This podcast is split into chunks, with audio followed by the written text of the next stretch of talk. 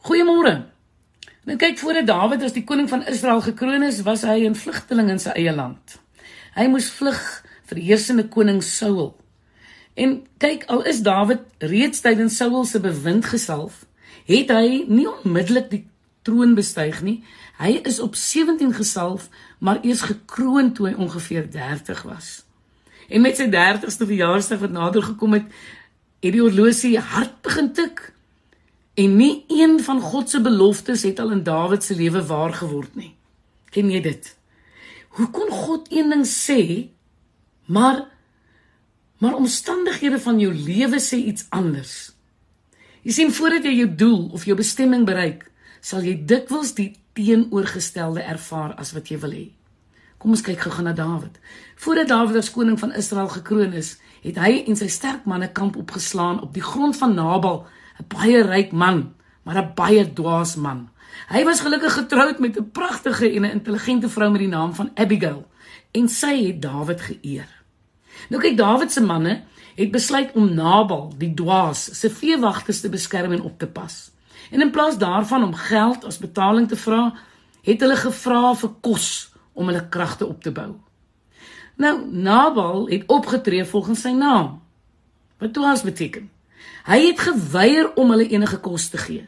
En Dawid is boonop beskuldig deur Nabal dat hy 'n slaaf is wat van sy meester af weggeloop het. Met ander woorde, Nabal het Dawid 'n niemand genoem. En uh, deur Dawid se versoek te weier, het Nabal hom eintlik beledig. En toe Dawid se manne vir hom kon vertel wat gebeur het, het Dawid se vinnige humeur ontvlam. Ja, hy het 'n vinnige temperament gehad. En in sy onbewaakte oomblik het hy 400 van sy beste manne bymekaar geroep.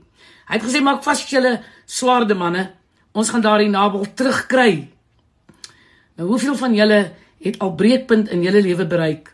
Stres by die werk, gesondheidsprobleme, huweliksprobleme, jong eindelose vragte, ondankbare wasgoed, gillende kinders, onsimpatieke werkgewers en dan dan gebeur iets wat jou eenvoudig net laat knak.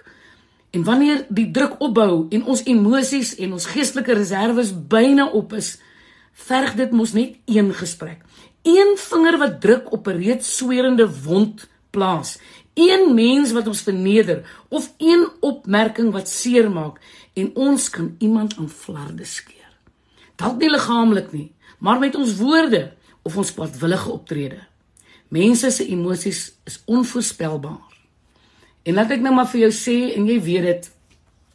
Christene is nie verhewe bo daardie kere in die lewe wanneer die druk, die rouste, die diepste emosies in ons na vore roep nie.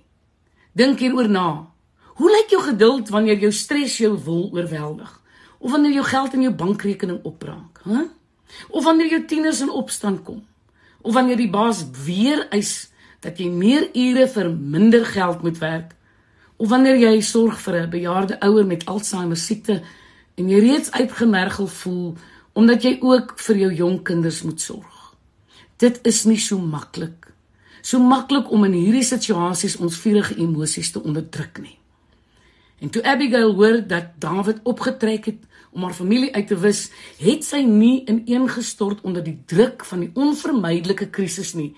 Nee, sy het eerder 'n piknik voorberei 'n Vriendelike antwoord kalmeer die gemoedere en 'n dwaas se antwoord laat woede opspring, sê Spreuke 15:1. Abigail het haar tyd goed gekies en sy het uitgegaan om Dawid te ontmoet.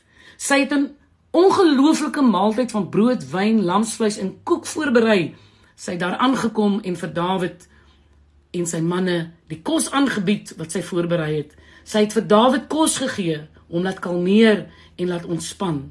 God, God het Abigail in Dawid se lewe gestuur om hom te keer om iets te doen wat sy doelwit sou kon vernietig. Ek vind dat God altyd 'n Abigail in ons lewe los.